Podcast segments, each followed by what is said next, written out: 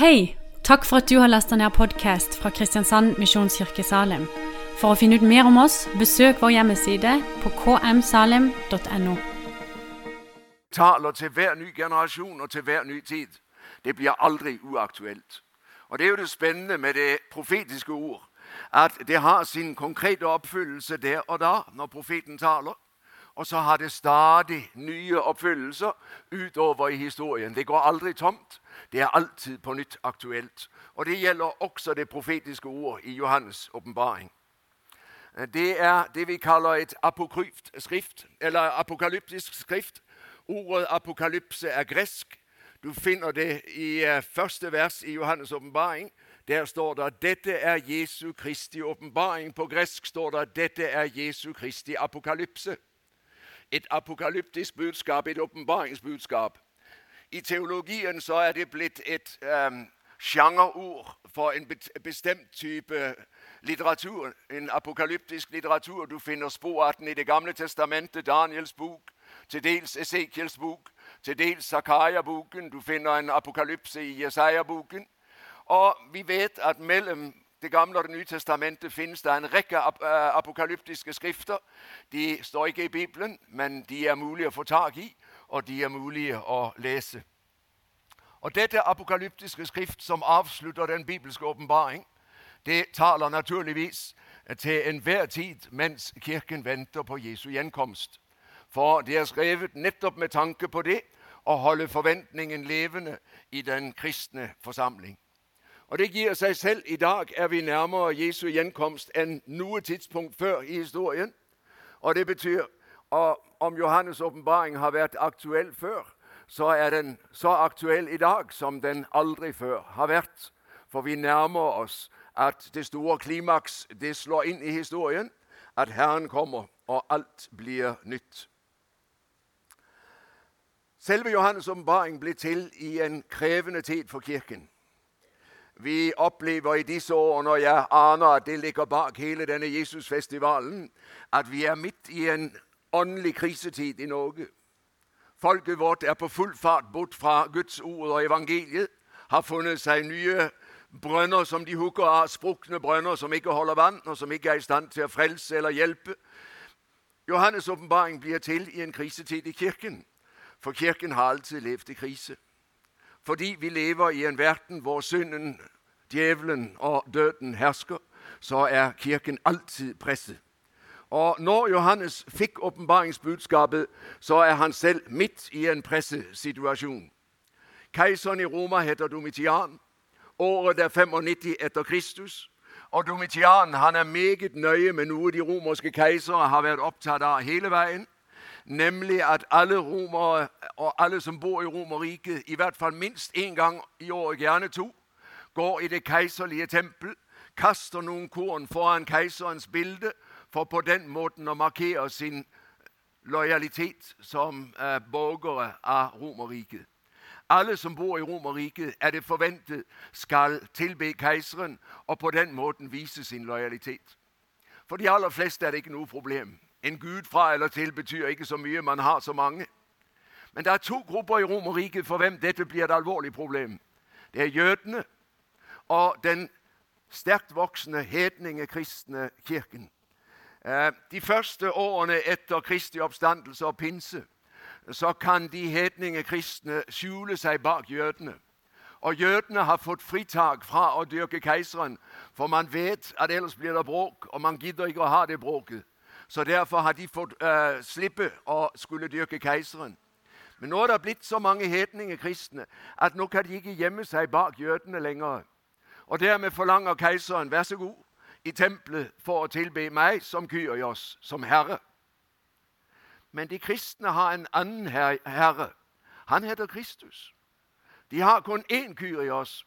Paulus skriver det i 1. Korinterbrev 8. Vi har én Gud Faderen som er overalt, og én Herre, Jesus Kristus. Og Som kristne kan vi ikke dyrke noen annen som Kyrios enn Han som sitter på den himmelske tronen. Og Dermed er de kristne kommet i klemme. For keiser Domitian han er nøye med keiserdyrkelsen og har gitt beskjed om dette vil han ha gjennomført. Og så ligger presset på de kristne forsamlinger og på den enkelte kristne. Johannes, den gamle apostel, er selv blitt et offer for dette. Hvis du leser Johannes' åpenbaring 1, vers 9, så sier han det at han er Jeg leser det for deg. Jeg, Johannes, som er deres bror, og sammen med dere har del i trengslene og riket og utholdenheten i Jesus. Jeg var på øya Patmos. Dit var jeg kommet på grunn av Guds ord og vitnesbyrdet om Jesus. Han er på Patmos fordi keiseren på den måten prøver å lukke munnen på ham. Er det fordi han er blitt så gammel at han ikke tar livet av ham? Jeg vet det ikke. Men han har altså sluppet å bli henrettet. I stedet er han blitt landsforvist. Hvor mange av dere har vært på Patmos? En hånd i været. Ja, det er flott. Noen har vært der. Alle dere andre har noe til gode. Sørg for å få gjort det før dere forlater dette livet. Et fantastisk sted. Langt ut i Egeahavet i Middelhavet. Fire og en halv times seilas fra Samos. Og Det betyr er du på Patmos, så er du ganske isolert, særlig før eh, eh, den mekaniske tidsalder. Ingen fly og ingen båter annet enn de som gikk ved vind. Og Der er Johannes tilsynelatende blitt kraftig isolert. Sikkert sammen med noen ganske få følgesvenner. Så tilbringer han tiden på Patmos. Og keiseren tror nå har jeg lukket munnen på ham. Og Gud han eh, sørger for å gjøre keiseren hjelpeløs.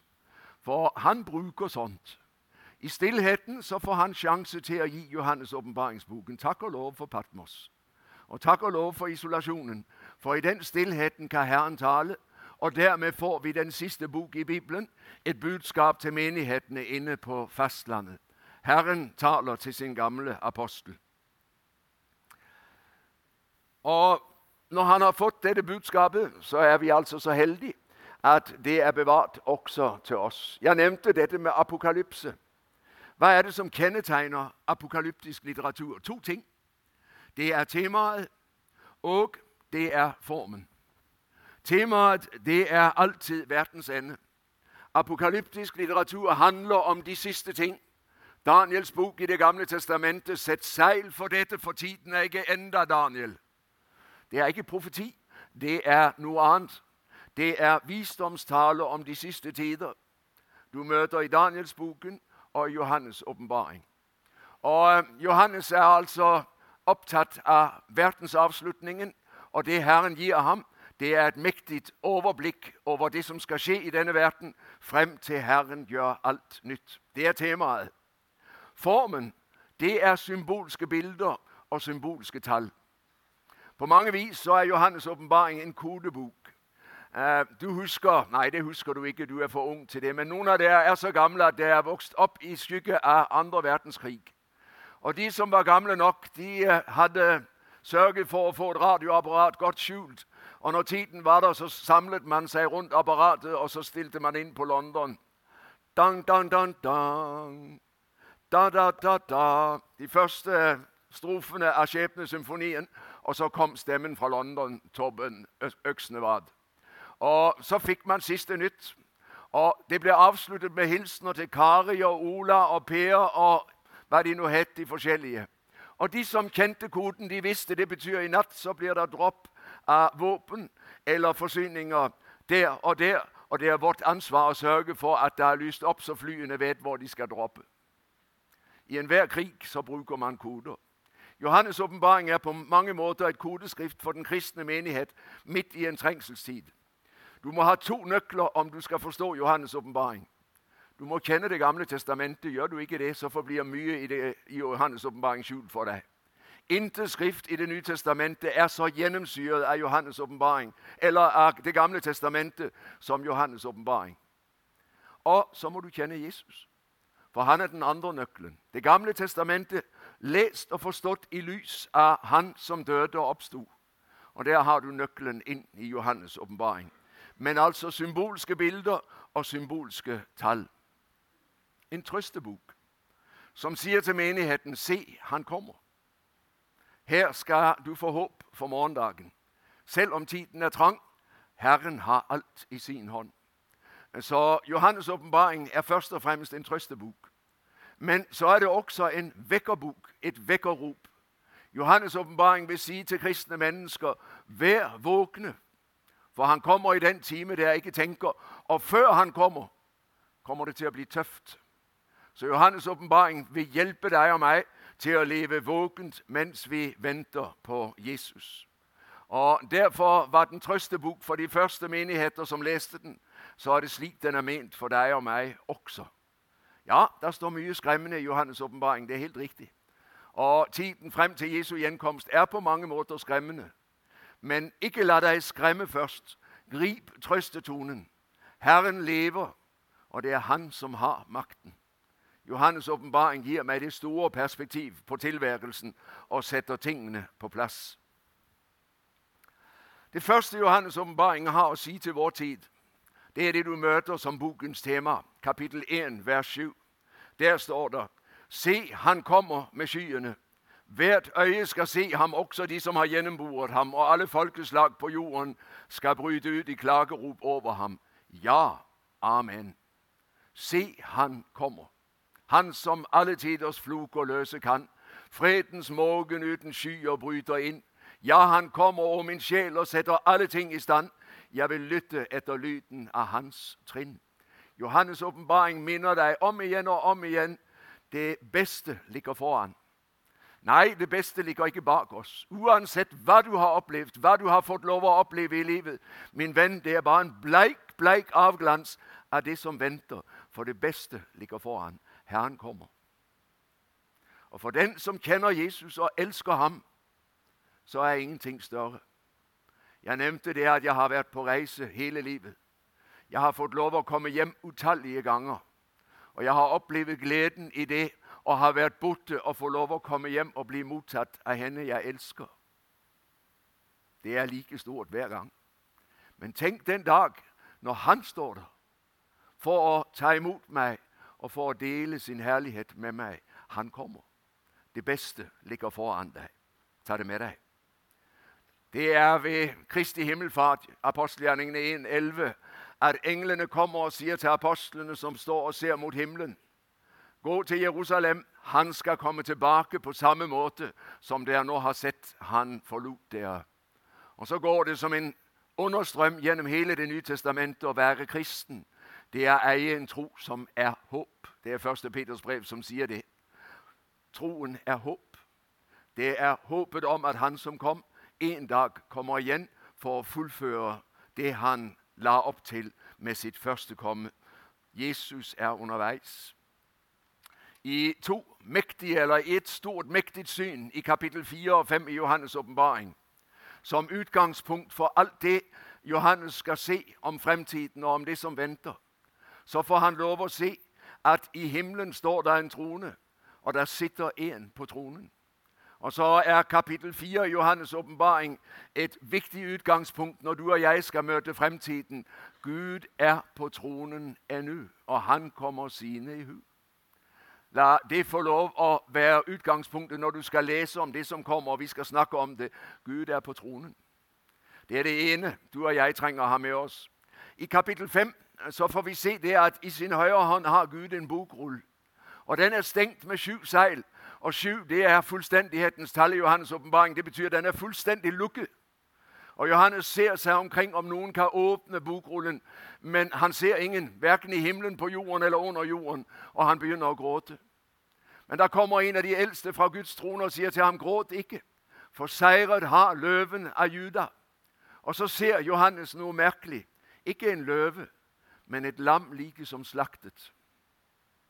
Det er den korsfestede han ser.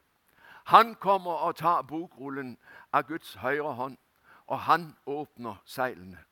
Jesus er nøkkelen til fremtiden. Det er i ham du og jeg eier fremtiden, og fremtiden hører ham til. Han har vunnet retten til den i sin død og i sin oppstandelse. Og I dette mektige inngangssynet så er det understreket med velde Gud er på tronen, Kristus eier fremtiden. Vil du eie fremtiden, så finner du den i møtet med ham. Det er ham som kan gi deg fremtid. Han har vunnet retten til den gjennom sitt fullbrakte frelsesverk. Det står i Johannes' åpenbaring 1,17 om Jesus. Han er den første og den siste. Han er alfa og omega. Alt er blitt til ved ham. Uten ham er ikke noe blitt til av det som er til, sier Johannes i sitt evangelium i kapittel 1. Men ikke bare er alt blitt til ved ham, alt fullendes ved ham. I Golgata-verket så ligger både din og min forløsning. Men ikke bare det. I Det nye testamentet er det et mektig perspektiv. Vi skal avslutte med det i dag. Et perspektiv av dette at Kristi korsdød betyr hele tilværelsens forløsning. Alt er lagt under forgjengelighet pga. fallet, pga. menneskets gudsopprør. Men i Kristus åpnes døren til et forløst skaperverk, hvor Gud gjør alt nytt.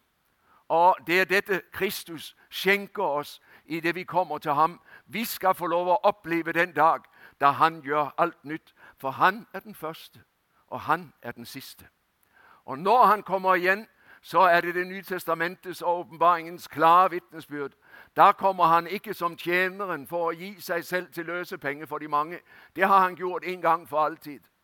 Han kommer igjen som den tronende og herskende, som han som er herre over alt. Du husker fra Matteus 28, 18, Jesus sier, 'Jeg har fått all makt i himmel og på jord'. Det har han allerede nå. Nå ser du det ikke. Det er slik, selv om du ikke kan se det. Men en dag skal du få lov å se det. Når han kommer igjen, så fremtrer han som den som har makten, og alt underlegges ham. Han er den sterke. Derfor venter vi på Jesu gjenkomst, for den dag han kommer, så nedkjempes all motstand. Da er Satan ferdig. Da er synden ferdig. Da er døden ferdig. Da er all gudløshet ferdig. Det har sin tid nå, men det er satt en grense. Og For Guds folk skal det være det som bærer mens vi lever midt i gudløsheten. Vi er på vei hjem, min venn. Om et øyeblikk så er vi der hvor Kristus er alt og i alle. Johannes' åpenbaring sier til et folk og til en kirke med liten forventning Se, han kommer. Vågn opp så du er ferdig når han kommer. Det var mange som, når krigen gikk mot slutten i 1945, blant de troende i Norge, tenkte at nå etter krigen så vil folket vende seg til Gud i takknemlighet fordi han har bevart oss, og fordi han har gitt oss friheten tilbake. I stedet så skjedde det at man fikk så travelt med å bygge sine egne hus og gjenreise landet at det ble ikke tid for Gud. Og for kristenlederne under krigen så ble etterkrigstiden den store skuffelse. Forvekkelsen man hadde ventet, den kom aldri. Og så lever du og jeg i forlengelse av dette i velstandssamfunnet Norge, som vel som få nasjoner i verden har fått oppleve Guds velsignelse, og som med begge hender har grepet hans gaver, men glemt ham som ga dem. Og derfor glemt å si ham takk. Han er utradert av bevisstheten, for vi fråtser i gaven i den grad at vi har ikke tid til noe annet. Det er noen år siden jeg gikk på havnen i Grimstad en sommerdag, eller en sommerkveld og så en stor seilbåt, en yacht, som lå der. Den hadde navnet 'Himmelen kan vente'. Akk ja. Og Det er vel det som er etterkrigstidens Norges vitnesbyrd. Himmelen kan vente, for vi, vi har så nok med det vi har nå og vi har ikke bruk for noe mer. Og ingen av oss som ikke er smittet av dette.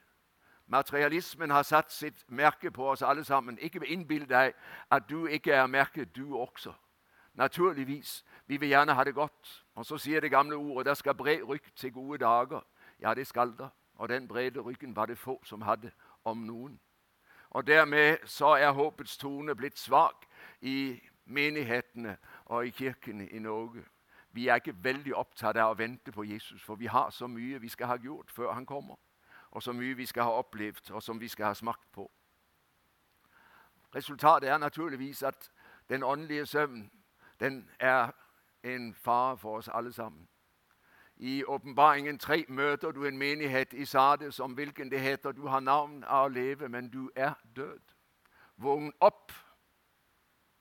Vågn opp har du noen gang prøvd å finne ut av når du faller i søvn om kvelden?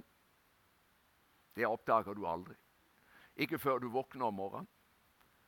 Jeg hadde en svigerfar som la seg på sofaen om ettermiddagen, og så hørte vi alle han snorket. Men når vi sa til ham du sov, så var han veldig klar på at han hadde ikke sovet. Ikke tale om.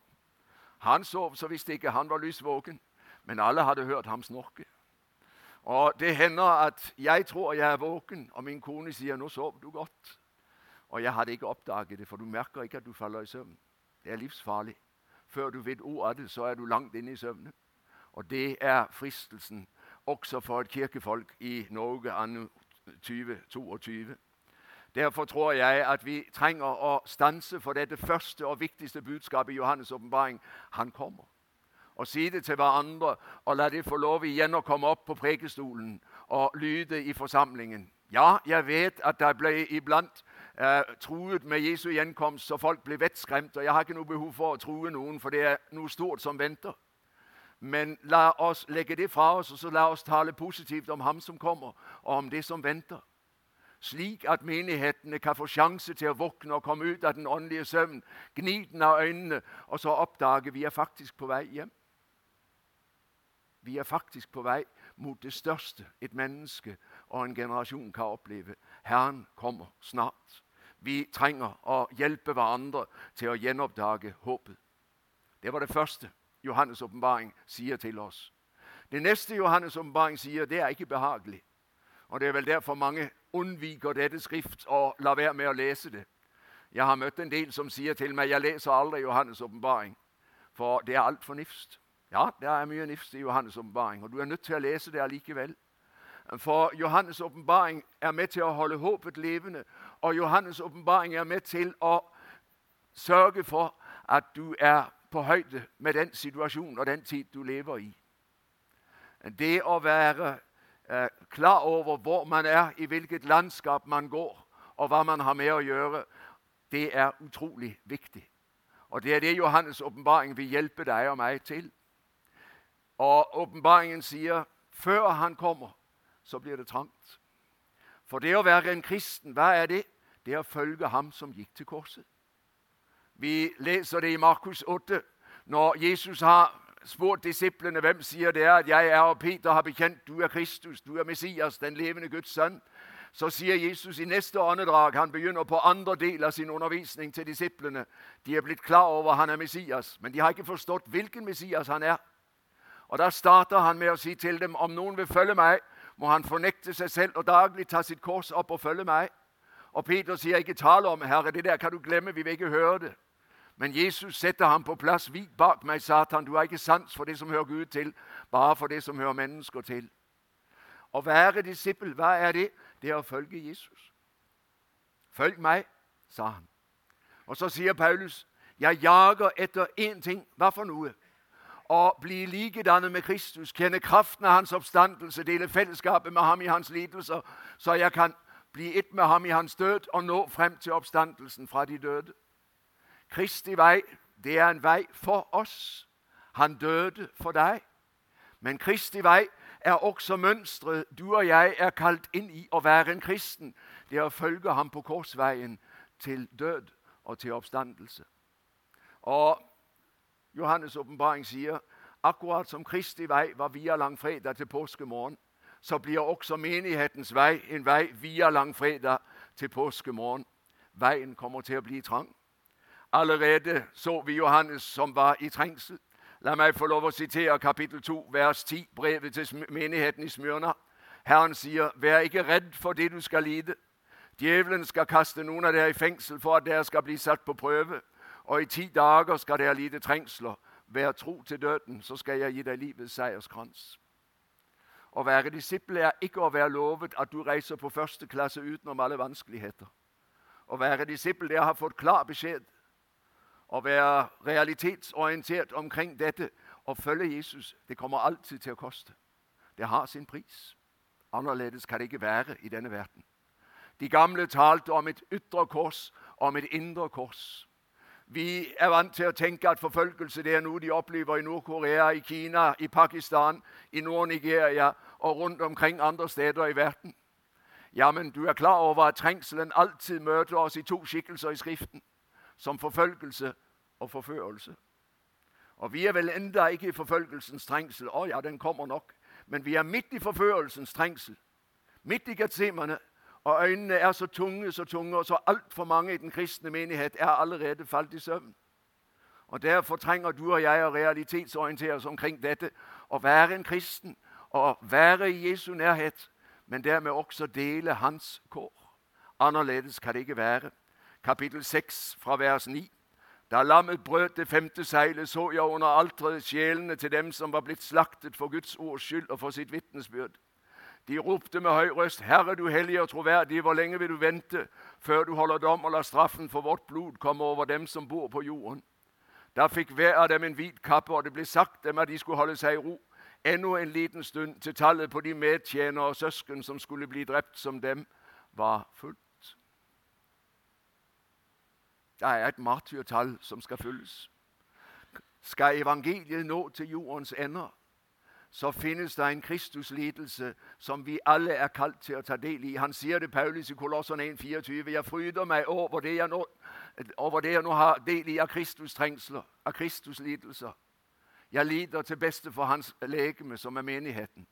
Hva slags lidelser? Ikke forsoningslidelsen, den er fullbrakt på Golgata. Men Kristi kjærlighetslidelse for å nå ut til de fortapte. Alle dem som ikke har hørt evangeliet, og som han elsker med en evig kjærlighet. Hvem skal bære evangeliet til dem? Disiplene, naturligvis. Og Det betyr at du og jeg kan ikke sette oss tilbake i godstolen og si det der for noen andre tar seg av. Alle er vi kalt inn i etterfølgelsen til tjeneste. Og Det står i kapittel 7 om den store hvitkledde skare foran tronen. Når Johannes får se den, så kommer en av de eldste til ham og spør hvem er disse i de hvite klær. Og Johannes han tør ikke svare, for han kunne svare feil. Han sier tilbake til den eldste, 'Herre, du vet det.' Og så får han vite det. Og legg merke til, det er to ting som kjennetegner dem som hører Jesus til. Det er de som kommer ut av den store trengsel og har tvettet sine kjortler og gjort dem hvite i lammets blod. Det siste det er kodespråk. Det er de som har tatt sin tilflukt til Jesu offer på Golgata, som blir frelst. Men du kan ikke ha del i Kristi offer uten å følge ham. Derfor det er de som kommer ut av den store trengsel. Og den store trengsel ja, Jesus taler om den i forbindelse med de kristnes situasjon under Jerusalems ødeleggelse år 70. Hvis du leser Matteus og Markus, så kan du se det. Og Samtidig så går det gjennom hele Johannes' åpenbaring den store trengsel. Enhver generasjon har sin del av den. I dag er det våre trossøsken i Nord-Korea, i Kina, i Pakistan, andre steder i verden som bærer byrden av dette. Og noen av dem ofrer livet sitt for troens skyld. Herren har ikke lovet oss noe annet. Og du og jeg er kalt til å bære vår del av denne byrden og bære korset. Og Jeg glemte å forklare for deg det indre kors. Hva dreier det seg om? Det dreier seg om dette at du og jeg hver dag angripes av den onde. At han hele tiden er der for å prøve å ta troen fra deg og for å binde deg i synd. Det er det indre kors. Det ytre kors det er trengselen for Jesu navns skyld. Og Jesus sier hvem er det som blir kledd i de hvite klær? Hvem hører til det himmelske folk? De som kommer ut av den store trengsel. Det går ikke an å være kristen uten å følge Jesus.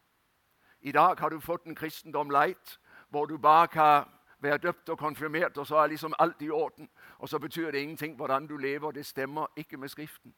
Skriften sier den som hører Jesus til, han bryter med synden. Han forsaker djevelen. Han følger Jesus, også om det koster. Det fins ingen annen vei for en kristen å nå frem på. I Johannes' åpenbaring kapittel 12 så får du syn av en kvinne på himmelen som er i barnsnød. Og så er en svær, stor uh, rød drage, den gamle slangen, djevelen.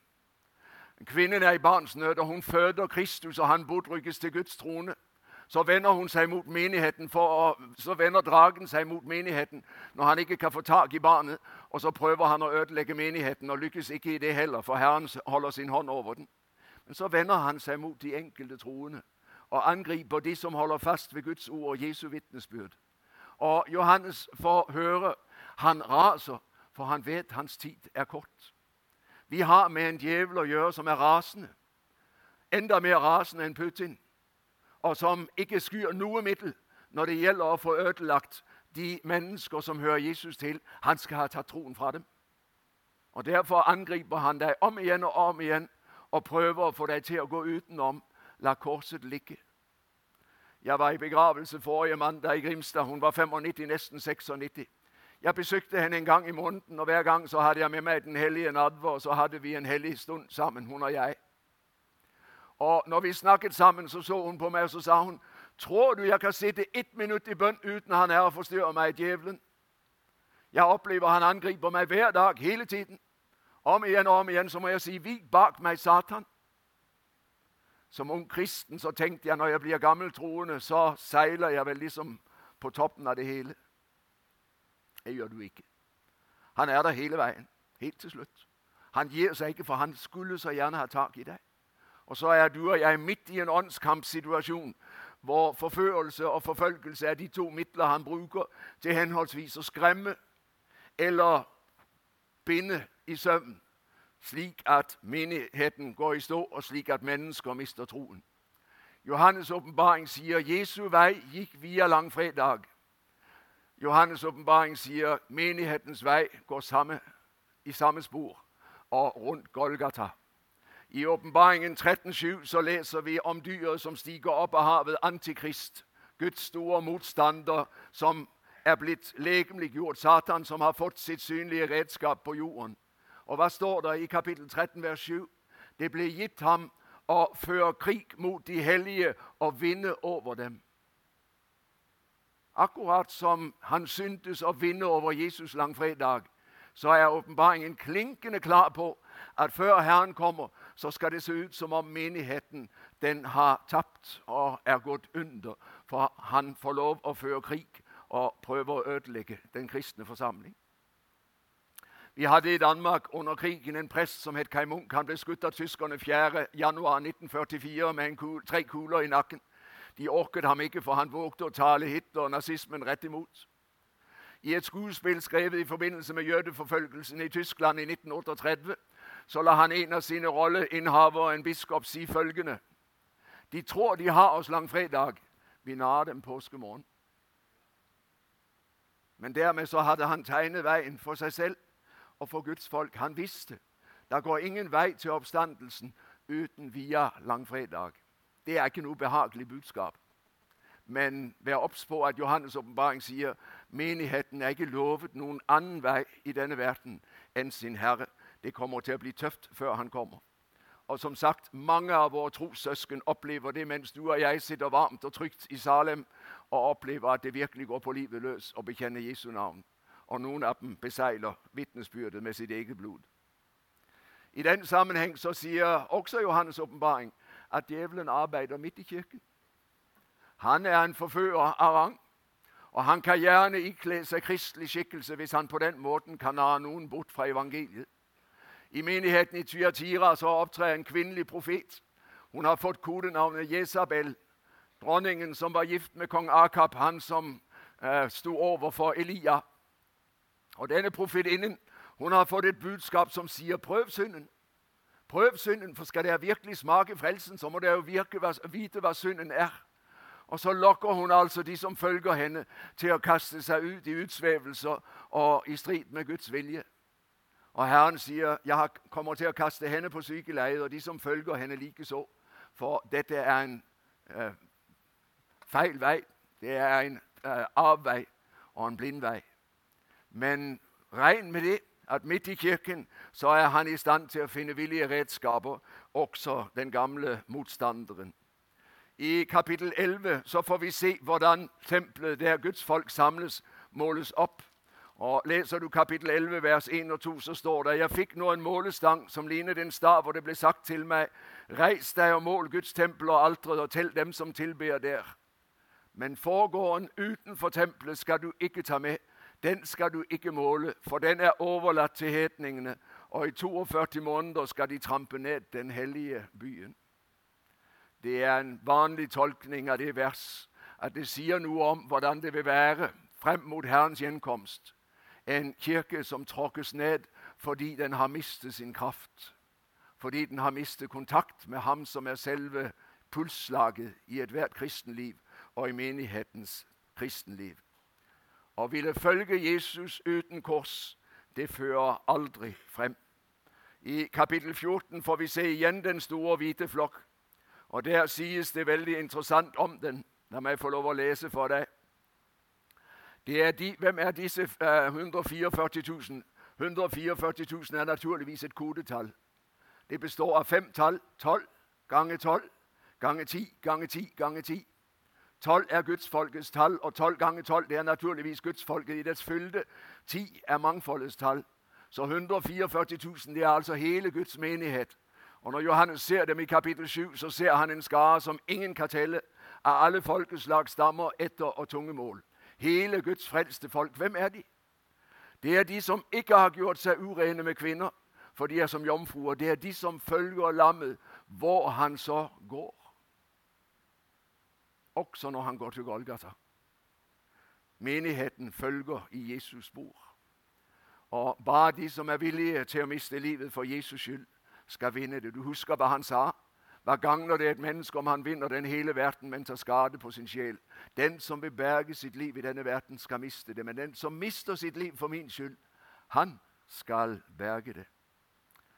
Det tredje jeg vil nevne, Johannes' åpenbaring sier, Guds dom er ikke bare fremtid. Johannes' åpenbaring tegner for oss bildet av en dom som allerede er under utfoldelse frem mot den siste store dom. Hvordan kommer det til uttrykk? Ja, Jeg har ikke tid til å gå i detalj, men leser du de sju basuner og de sju vredeskåler i henholdsvis kapittel 8 til 11 og i kapittel 16, så vil du se at det skildres hvordan den verden vi lever i, den blir trangere og trangere. Jorden blir ødelagt, elvene blir ødelagt, havet blir ødelagt, lyskildene ødelegges, og det blir trangere og trangere å være menneske. Det er tegnet etter eh, det som Moses han eh, påførte Egypt når farao ikke ville la Israel gå. Egypts ti plager. Det er helt tydelig at de danner utgangspunkt når Johannes eh, får se det som kommer før Herren kommer. Men altså, når vi i dag opplever klimakatastrofer, et klima som er ute av balanse, og en verden som er blitt farlig å leve i Johannes' åpenbaring sier det er Gud som lar menneskene få lov å kjøre sitt løp og høste det de sår. En verden som går i oppløsning, og som blir umulig å leve i. Livsvilkårene blir tøffe, livsrommet blir strammet inn. Og går den store trengsel over menigheten, så sier Johannes' åpenbaring den store trengsel kommer også til å gå over den gudløse verden. Du og jeg, vi møter trengselen med håp. For vi vet den er tegn på at han snart kommer. Den verden som ikke kjenner Jesus, de vil oppleve trengselen som fortvilelse. Og Derfor ser du også i Johannes' åpenbaring hvordan verden fortviler. For den har ikke noe å møte dette med, fordi den ikke har noe håp. Og I den sammenheng så må jeg også nevne dette, som heller ikke er noe man liker å nevne i dag. Men det står veldig tydelig både i Det gamle og Det nye testamentet det går an å komme for sent til den store Guds rike festen. Guds dom er en virkelighet, og fortapelsen er en virkelighet. Og Jeg skulle ønske at jeg kunne si det stemmer ikke, men Skriften sier noe annet. Og Derfor sier Lukas, eller Jesus det sterkt i Lukas 12.: Frykt ikke for dem som slår legemet i hjel. Det viktigste du kan miste, er ikke kroppens liv. Frykt for ham som har makt til å kaste sjel og legeme i helvete. Ham skal dere frykte. For det er ham du og jeg en dag skal møte og gjøre regnskap for.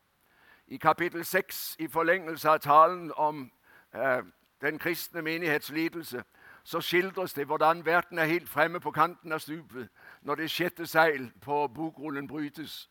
Og La meg få lov å lese for deg fra vers 12. Og jeg så lammet bryte det sjette seilet. Da kom det et stort jordskjelv. Solen ble svart som en sørgedrakt, fullmånen ble som blod, og stjernene på himmelen falt ned på jorden som når umodne frukter drysser av et fikentre i storm. Himmelen revnet og rullet seg sammen som en bokrull, og hvert fjell og hver øy ble flyttet fra sitt sted. Og så kommer det frykteligste bønnemøtet som denne verden noen gang har sett. Jordens konger, stormenn og hærførere, de rike og de mektige, hver slave og hver fri, alle gjemte de seg i huler mellom berghamre, og de sa til fjellene og berghamrene, fall over oss og skjul oss for ansiktet til ham som sitter på tronen, og for vreden fra lammet. For den store vredesdagen er kommet, og hvem kan da bli stående? Da kommer en oppgjørsdag, sier Skriften, der ethvert menneske skal gjøre opp med den allmektige Gud for sitt liv, for sin forvaltning, for sitt gudsforhold. Og I Johannes' åpenbaring 6 så møter du en forsamling som ikke vet noe annet enn å skjule seg fordi de prøver å komme seg unna fra en dom de ikke er i stand til å møte. I dag så fornektes Guds dom og den evige fortapelse langt inn i kirken. Guds ord sier noe annet. Så høyt har Gud elsket verden. Han ga sin sønn den innbårne for at hver den som tror på ham, ikke skal gå fortapt. Og åpenbaringen 3.16, menigheten i Laudikea som er så trygge på seg selv. Men du er lunken, ikke varm og ikke kald. Derfor skal jeg spytte deg ut av min munn. Jeg orker ikke ha med deg å gjøre. Det er fortapelsens situasjon. I eh, kapittel 14, vers 3, der står det i forbindelse med den himmelske lovsangen um, Foran tronen de fire skapningene og de eldste sang de en ny sang, en sang som ingen kunne lære, unntatt de 144 000, de som er frikjøpt fra jorden. Ingen kunne lære uten de som er frikjøpt fra jorden. Det er en sang som bare læres via evangeliet. Det er Moses sang, og det er Lammets sang. Det er sangen om frelsen og om Kristi fullbrakte verk. Og Før eh, den store forløsningen i kapittel 21 så ser vi i kapittel 20, vers 11, en stor hvit trone og ham som satt på den. Og det står i vers 12.: Jeg så de døde, både store og små. De sto foran tronen, og bøker ble åpnet. Så ble en annen bok åpnet, livets bok, og de døde ble dømt etter det som sto skrevet i bøkene, etter sine gjerninger. Og nede i vers 15.: Om noen ikke var skrevet inn i livets bok, ble han kastet i ildsjøen. Det er et fryktelig ord. Og Jeg skulle ønske det ikke sto der, men det står der. Og Når du har lest om det nye Jerusalem i kapittel 21 fra vers 1 til 7, så står det utenfor er de feige, morderne osv. Det er et utenfor, akkurat som det er et innenfor. Der mennesker ikke vil vende om, der er det intet håp. Og Det er det Johannes ser. Gud kaller gjennom katastrofene, gjennom det som skjer i verden, så kaller han mennesker til omvendelse. Og så møter du det i kapittel 9, når plagene har gått over jorden. Så står det i vers 20 og 21.: Men resten av menneskene, de som slapp fra disse plagene og ikke ble drept, de vendte ikke om fra det de hadde laget med sine egne hender, så de sluttet å tilbede. De vendte ikke om fra sine mord og sin trolldom, sitt horeri og sine tyverier. Jerusalem, Jerusalem, hvor ofte vil jeg ikke samle dere som hønen samler kyllingene under sine vinger, men dere ville ikke. Det er det dype alvor. Det går an å stå imot Guds kall og bli stående utenfor på den store dag. Ordet taler om et evig liv og om en evig fortapelse. Alle har vi med Gud å gjøre, også dem som fornekter ham, og en dag skal de stå foran ham. Og Jeg har lyst til å understreke i en tid da noen er veldig opptatt av å understreke ja, men Gud frelser sikkert alle til slutt. Eh, det er noe av det som nå rir Kirken som en pest. At vi får høre dette, at alle blir frelst til slutt. Det er ikke det ordet sier. Jeg skulle ønske det var sant, men det holder ikke. Og Noen understreker dette med apokatastasis, altså alle tings gjenopprettelse. Når Gud gjenoppretter alt, så må han vel også gjenopprette på den måten at alle blir frelst. Skriften sier det er noen som forblir utenfor. Og det er en fryktelig tanke. Og Derfor må jeg be dag og natt for mine nærmeste at de må bli frelst, at ingen må samles på den store dag. For jeg ser jo de er ikke der enda. Og det er en fryktelig tanke at de ikke skulle nå frem. Men Skriften holder meg fast i den tanken. Jeg er nødt til å bøye meg for den, for Guds ord sier det. Slik er det. Det er et innenfor eller et utenfor. Jeg hørte dessverre ikke Rolf Kjøde tirsdagskveld. Jeg skulle gjerne ha gjort det, for han preker veldig bra. Men uh, det, han, uh, det han sikkert understrekte, og som du og jeg møter på Golgata, det er en utrolig sterk forkynnelse. Så høyt har Gud elsket verden han ga Sønnen. Alt er gitt. Og samtidig sier korset så alvorlig er synden. Og så fryktelig er syndens følger. At Gud må dø av den. Og når jeg da avviser hans offer, hva skal da frelse meg? Og hvordan skal jeg da finne forsoning på den store dag? Vi skal nå frem til avslutningen. Vi begynte med å understreke det beste ligger foran. Og Det er der Johannes' åpenbaring munner ut. For de som venter og følger Jesus, så er det den store forløsning som stunder til. Jeg pleier å si at min temasang det er jeg er fremling, jeg er en pilegrim. Blott en aften, blott en aften bor jeg her. Jeg vet ikke hvor mange senger jeg har ligget i i dette landet, hvor mange puter jeg har hatt under hodet, og hvor mange dyner jeg har hatt over meg. Fra Kirkenes og til Lindesnes har jeg fått lov å reise med evangeliet. Og øh, overalt var det noen som lukket opp hjemmene og ga meg mulighet for å få nattesøvnen. Men uh, i den sammenheng, altså Du og jeg er på vei hjem. Jeg er fremling, jeg er en pilegrim, blott en aften. Og om et øyeblikk så er du og jeg der hvor Johannes er i kapittel 21. Jeg så en ny himmel og en ny jord. For den første himmel og den første jord var borte, og havet fantes ikke mer. Og jeg så det nye Jerusalem smykket som en brud for sin brudgom stige ned fra himmelen. Og så lød det fra tronen. Nå er Guds bolig blant menneskene. Se, jeg gjør alle ting nye. Det er det utrolige du og jeg vet. Jeg vet ikke hvordan du hadde det når du gikk på skolen. Jeg gikk eh, på det som het realskolen den gang jeg var gammel nok til det. Og Vi hadde en masse regnestykker og matematikk. Og det var fryktelig greit å ha en fasitliste, så du kunne sjekke at du hadde regnet riktig. Og Ved en enkel anledning så var vi to gutter som satt ved det første bordet rett under kateteret. Og vi klarte å strekke hals, og læreren så det ikke. Og vi så hvilke, hvilke, oppgaver vi skulle ha til den kommende prøve. Og vi hadde naturligvis alt rett, for vi hadde vært og funnet fasitlisten, så vi visste hva det skulle bli. Det var ikke pent, og jeg har måttet be Gud om tilgivelse for det, for det var naturligvis fusk. Det skjedde bare én gang. Men du og jeg, vi er heldige, for vi har fasitlisten. Vi har den store fasitlisten. Og Derfor lever du og jeg med en søt hemmelighet sammen med Jesus. Jeg vet hvor dette ender. La det se så fortvilet ut det vil. Med Putin, med klimaproblemer, med pandemi, med en verden i kaos og med all den fortvilelsen som omgir oss. Du og jeg har en søt hemmelighet, for vi vet hvor vi er på vei hen. Og vi vet hvor dette ender. Jeg så en ny himmel og en ny jord. Om et øyeblikk så toger vi inn i det nye Jerusalem. Og så er vi sammen med Jesus for alltid. Det er en utrolig tanke, og det er den trøsten du og jeg fremfor alt skal ta med fra Johannes' åpenbaring. Veien er trang, men målet er herlig. Og Har ikke du og jeg opplevd det både en vinterdag på fjellet eller kanskje en sommerdag ved, øh, øh, i fjellet, at vi hadde gått lenge og vi var blitt svette, og det hadde vært drøyt og det hadde vært opp av bakke, og vi var virkelig slitne. Og så kom vi frem til hytta, og der sto bordet dekket, og maten var klar. og Det var vidunderlig å sette seg til bords. ikke sant? Om et øyeblikk så skal vi sitte til bords med Abraham, Isak og Jakob.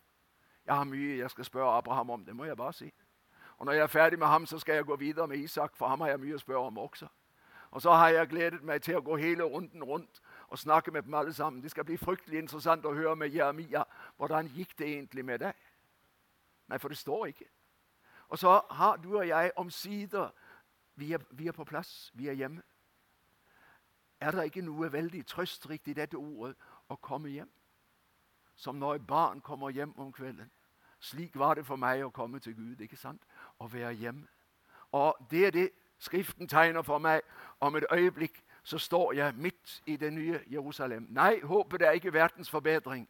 At denne verden skal bli bedre og bedre inntil den er blitt til himmel. Håpet det er at denne verden må avvikles for å gi plass for en ny. Og så skal du og jeg gjerne være klimaentusiaster og engasjere oss for å holde verden i gang så lenge den er her. Men vi vet samtidig en dag så er denne verdens tid forbi, og så kommer den nye verden, som Gud selv skaper. I Kolossene 21 står det alt blir forløst ved ham, alt i himmelen og alt på jorden. Golgata omfatter alt. Melkeveien var med. Alle solsystemene var med på Golgata. Det er ikke noe i det skapte som ikke han har ordnet opp for, så, så forgjengeligheten en dag må slippe tak og gi rom for det evige og for det fullkomne. Gud nyskaper hele sitt skaperverk. Og Jeg synes det er så oppbyggelig og for meg et mektig vitnesbyrd om Skriftens troverdighet. Der går en bro fra første Mosebok 1-2 til åpenbaringen 21-22. Har du tenkt på det at i Bibelens to første kapitler finnes ikke synd? Og i Bibelens siste to kapitler finnes ikke synd? I de første har det enda ikke skjedd. I de to siste så er den overvunnet. Og så bygges det en bro fra første Mosebok 1.1 i begynnelsen skapte Gud himmelen og jorden, til åpenbaringen 21.1. Og jeg så en ny himmel og en ny jord. Gud står ved sitt skaperverk, og han forløser det og nyskaper det. Vi venter noe veldig. Og vi skal oppstå med kropp. Nei, vi skal ikke til himmelen og være sjeler som svever rundt mellom små hvite skyer. Vi skal være på den nye jord sammen med Jesus. Himmelen er kommet ned på jorden, og vi skal få lov å se ham, står der, ansikt til ansikt. Ikke den kroppen du og jeg har nå, men et åndelig legeme, sier Paulus i 1. Korinterbrev 15. Men vi skal kjenne hverandre igjen, for vi er mennesker med kropp. Hva var vitsen med himmelen hvis ikke jeg bevarte identiteten? Og Det er helt tydelig at Jesus bevarer identiteten gjennom død og oppstandelse, og du og jeg skal gjøre det i hans spor. Johannes får se det nye Jerusalem, og han får vite dette er bruden. Og så hører du skildringen av en by, men husk det når du leser det. Det er ikke en by du ser, det er et folk. Det er gudsfolket i dets herlighet. Men hvordan skildrer man det man ikke har ord til å skildre? Og så skriver han om gullgater og perleporter. Og det dreier seg ikke om gullgater og perleporter, men om noe mye større. Det dreier seg om et forløst gudsfolk som får lov å være i Herrens nærhet og fryde seg sammen med ham i den evige verden. En forløst menneskehet der vi alle er forvandlet til hans likhet. Der vi ser Guds ansikt, og han selv bor hos oss. La meg få lov å avslutte. Jeg bodde noen år nede midt i Oslo. Jeg var stadig på reise. Jeg var bibelskolelærer på Bibelskolen i Oslo. Og Det betydde at hver helg stort sett så var jeg ute og prekte et eller annet sted i landet. Gikk rett fra undervisningen på toget eller flyet, prekte en fire-fem ganger og kom hjem en eller annen gang i løpet av søndag kveld eller mandagsmorgen. Min kone visste at jeg kom med det toget eller den, det flyet. Hun hadde tre små i leiligheten. Hun kunne ikke forlate dem, så hun satt hjemme og passet på dem. Men var det ikke altfor sent, så sa hun til dem dere skal få lov å være oppe til pappa kommer. Og Så hadde jeg tatt trikken eller bussen og var kommet frem til adressen og gikk inn nede og skulle opp i fjerde etasje. Og Så visste jeg mens jeg steg opp av trappene Der oppe venter hun, og der venter de. Og I det øyeblikk jeg satte fingeren på ringeklokken, så hørte jeg et samstemmig rop innefra. 'Pappa!' Og Så var det et øyeblikk, og så gikk døren opp, og så sto der tre små forventningsfulle karer og henne som jeg elsket. Han er på vei opp av trappen. Om et øyeblikk så setter han fingeren på ringeklokken.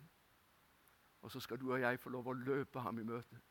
Og så vet jeg jeg skal se lenge, lenge, lenge inn i de øynene. Jeg kjenner dem, for jeg har vandret med ham et helt liv. Og jeg skal stå badet i hans kjærlighet og få lov å si det. Herre, fremme til sist. Det beste ligger foran. Du og jeg er på vei mot noe stort. La det få lov å synke inn hos deg. Vi er Guds folk på hjemvei. Herre Jesus, hjelp oss til å eie dette håpet og leve i det. Og kom snart. Amen.